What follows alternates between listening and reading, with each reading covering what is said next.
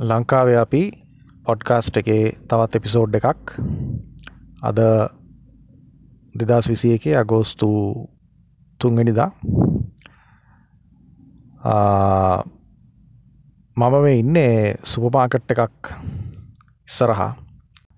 මෙතර මේ ඉන්නකොට මට ඇතරම කල්පනාවන දෙයක් ඔලට කියන්න කිව්වොත් හොඳයි කියලා හිතුණා.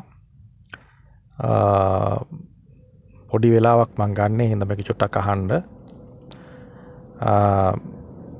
අපේ වියදං කළබනා කරණය කර ගැනීම ගැන පොඩි අදහසක්.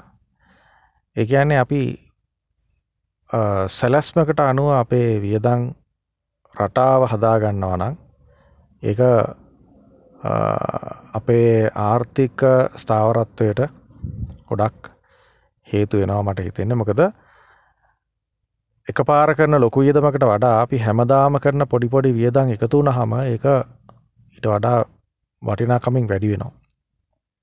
දැන් අපි දන්නවා අපේ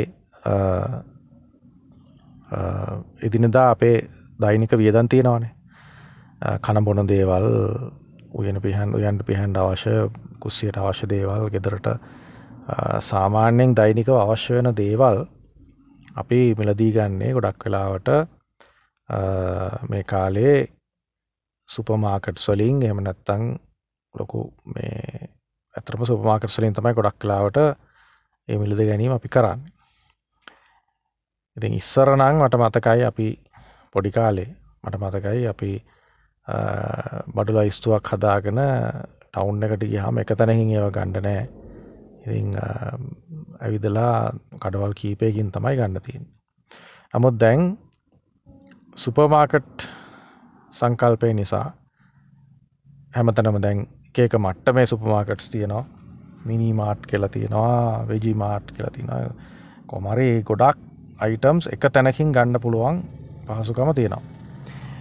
ඉතින් මේකේ තියෙන ප්‍රශ්නය තමයි අපිට හරි සැලැස්මක් නැතුව අපි ඒ සුප්මාකට් එකට ගියොත් අපි යම් ප්‍රමාණයකට අතරමංවීමක් වෙනවා. අතරමංවීමක් වෙනවා කියන්න මේ ආගිය තැන් හොයා ගැන්ඩ බැරිෙනවා නෙවෙයි. අපිට ගණ්ඩ ඕන මොනවාද? ගන්න නොගණ්ඩ ඕන මොනවාද කියලා හෝඩුවාවක් නැතියෙනවා ඒ කියන්නේ අපි සැලැස්මක් ඇතුව බඩු ලයිස්තුවක් ඇතුව සැලැස්මක් ඇතුව අපිට මොනවදේ කොයි ප්‍රමාණෙන්ද අවශ්‍ය කියලා පූර්ව නිගමනයකට එන්න ඇතුව අපි සුප්මාකට් එකට ඇතුළු නොත් අපිට සිද්ධ වෙනවා හිතට එන එන දේ මතක් වෙන වෙන මතක් වෙන දේ ගන්න.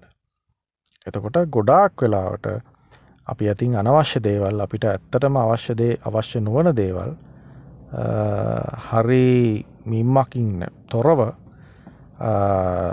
හරි ප්‍රමාණයකින් තොරව අපි හිතට එනන දේවල් මිලදී ගණ්ඩ යොමු වෙනවා මොකද සුපමාකට් සල එක එක ලස්සන ලස්සන දිදිහට අහුරලා ආකර්ශණීය විදිහට එක එක ඩිස්කවුන්ස් ඩිස්පලේ කරලා එහෙම තියෙනවා. මෙතන එක එක සද්ද ඇහෙනවා වැඩිය එක කන්සිඩ කරන්න එපා. මේ මේ මේ සුප්මාකට්ටයක් ඉස්සරහ ඉන්නේ. ම මේ සජීවීව මංගොඩක්ලට මේ කරන එපිසෝඩ්ස් එඩිට් කරන්න මම ඒ වෙලාවට මට මේ යම් කරුණක් ගැන හිතනය තමයි කියන්න. ඉතිවාට යම් වැදගත්කමක් වේ කියලා හිතලා. ඉතින් මා කිය කිය හිටියේ අපිට උයන පියන බඩු වෙන්න පුළුවන් අපේ සාමාන්‍ය රූපලාවන්‍ය කටයුතුවලට අවශ්‍ය දේවල් වෙන්න පුළුවන් බෙහෙත් හේත් වෙන්න පුළුවන් නැත්තං රෙදි සෝදන කුඩු ඒ වගේ දේවල් වෙන්න පුළුවන් පිරිසුදු කරන උපකරණ ද්‍රව්‍ය වෙන්න පුළුවන්.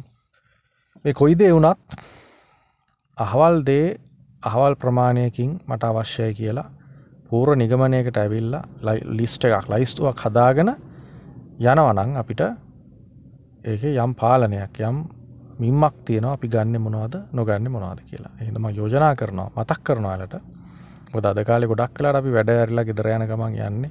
ගිහා මතක් වෙන මතක් වෙන දේවල් කාට් එකට පුරෝගන්නවා හැම වෙලේම රුපියල් පන්දාහ අයදා හද්දා දහදාහ දොළොස්දාහි බිල් එකතු වෙනවා අපි ගන්න බඩුවලට සමහර බඩු ඔයාල බලන්න සමහර දේවල් අපි ගෙදර ගෙනත් තියෙන දේවල්.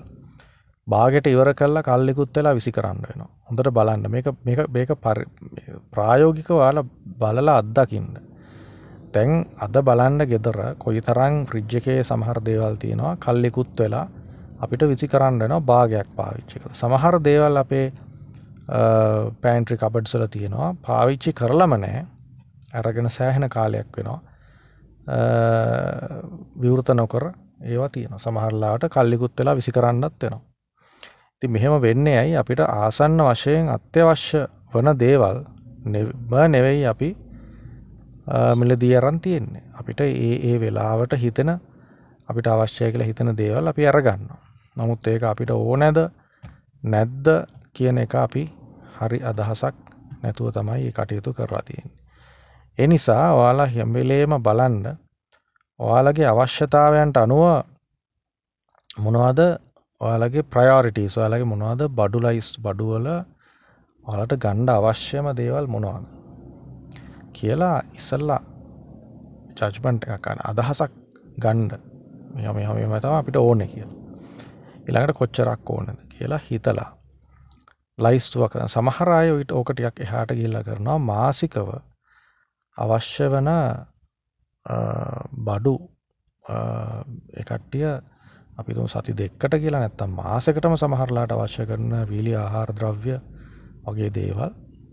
මේ සමහරු මාසටම ඇතිවෙන්ට ගේනවා. ඉතින් ඒක ඇත්තටම නම් හොඳ දෙයක්. ඒකනුත් යම් පාලනයක් වෙන අපි ගන්න දේවල් ප්‍රමාණය ගැන. ඒ වගේම තමයි අපි ඇලුම් ඇඳුම් පැළඳුම් ගණ්ඩ කිය ඇඳුම් පැළඳුම් ගණ්ඩගත් අපි අදහසකින් යන්න ඕන. මෙන්න මේ දේවල් තමයි ගන්න. එම නැත්තන් එතන ඇඳුම් ඒ සාපුවට ගිහාම ගොඩක් ආකර්ශණය විදිහට මෙහෙම කරලා තිබ්බම අනිත්තගේ ගොඩක්ලාදේ ඒ ඉන්න මේ වෙළඳ නියෝජිතයෝ තන්ගේ සේල්ස්මන්ලා බොම අපේ හිත ඇදලගන්න යන විදිහට ඒවා පෙන්නලා අපේ ඇඟට තියලා පෙන්නලා අපි උනන්දු කරහම අපි යොමු වෙනවා අපිට අවශ්‍ය අපි හිතාගෙන ගිය ප්‍රමාණයට වඩා වැඩිපුර දේවල් ගන්න. එතකොට වෙන්න අපේ වෙන යමකට වියදන් කරන්න තියෙන මුදලක්. වනට ඉතුරු කරන්න දෙන මුදලක් තමයි එකට යන්නේ. මේක ඇත්තරමනම් මේ මේ මධ්‍යම පන්තියට තමයි ගොඩාක් මේක බලපාන්න. මොකද ඉහල දනවත් පන්තියට මේක එච්චර ප්‍රශ්නයන් නෑ. මොකද එයාලට කොහොමටත් මුදල් තියෙනවා. නැත්තනෑ දීර්කාලින බලපාන්න පුළුවන්. නමුත් ගොඩක් දැනෙන්නේ ඊළඟට ගොඩක් ආර්ථික වශයෙන් ගොඩාක් දරිද්‍රතාවෙන් අමාරුවෙන් එදිනදා හම්බ කරගෙන කන මිනිස්සුන්ට මේක වෙන්නේ මොකද එයාලට එහෙම ගිහිල්ලා ලොකෝට සුප්මාකට්වල වියදම් කරන්න විදිහක් නැහැ. යාලා තමන්ට අවශ්‍ය දේ තමන්ට අවශ්‍ය දවසට එදිනෙදාට අරගෙන වියදම් කරගන්නවා. නමුත් මධ්‍යම පන්තිය තමයි ඔය විශේෂයෙන් අපි දකින අවුරුද්දට එහෙම. තන් උත්සවවලට නත්තලට අවුරුද්දට එහෙම උත්සවවලට ඊළඟට එදිනෙදා වුණත් ගිහාම තමන්ට යම් ප්‍රමාණයකට මුදල් තියෙනවා නැත්තේ නෑ. ඉතින් ඒවා වියදම් කරනවා. වියදං වෙන්නේ මේ විදිහට තමන්ට පාලනයකින් තොරව එතකොට වෙන්න තමන්ට ඉතුරු කරන්න තින මුදල් නැත්තං තමන්ට වෙන යම් කටයුත්තකට යොදවන්ට තින මුදල මේකට වැෑ වෙනවා. එතකොට මාසය අන්තිමට අපිට ඉතුරු කරන්න වෙන්න නෑ මුදලා. ඉතින් වඩාක්ම හොඳ දේ තමයි අපේ මාසිකව අවශ්‍ය වන දේවල් ලයිස්තු ගත කරලා තියාගෙන දැනට ගෙදර තියෙන්නේ මොනවාද කියලා හොඳට අදහසක් ඇතුව ගෘහණිය වගේම පුරුෂයත් දෙන්නම මේ එකතු වෙලා ළමයි දරුමල් ඔක්කොම ඇතු එකතුව ගෙදර තියෙන බඩු මුට්ටු මොනවද අපිට ගණ්ඩ ඕන මොනවද තව කියලා හොඳ අදහසක් ඇතුව ලයිස්තුවක් හදාගෙන ඉඳලා අපි සුප්මාකට් එකට හරි නැත්තං පොලට හරි කොහැට ගිහිල්ල ඒ අවශ්‍ය බරුටික අරංගෙන එක තමයි තාමත්ම සාර්ථක දේ. ඉති මේ සරල කාරණයක්. නමුත් අපිට අපේ ආර්ථිකය ස්ථාවරව පවත්වා ගණ්ඩ ගොඩක් හේතුවෙන දෙයක් විදිර මන් දකින නිසා තමයි මේ දෙ කිව්වේ. ඉතුරුම් වැඩි කරගණ්ඩ ගොඩක් හේතුවෙන දෙයක් දිර මේක කිව්වේ. නයවේවී ක්‍රඩිට් කාඩ්ඩොලින් මං දව එක දවසකුත් වෙන එපිසෝඩ් එකිනුත් කර. ක්‍රඩිට් කාඩ්සොලින් එදිනිදා වියදන් කරන්න එපා.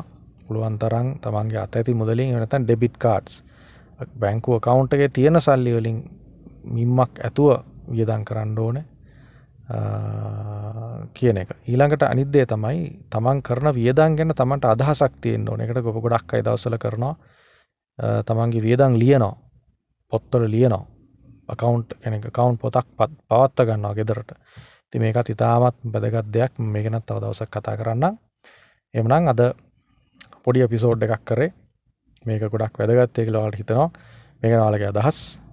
කමෙන්ස් විදියට දාන්න මේක ෂය කරන්න. 那我倒不认。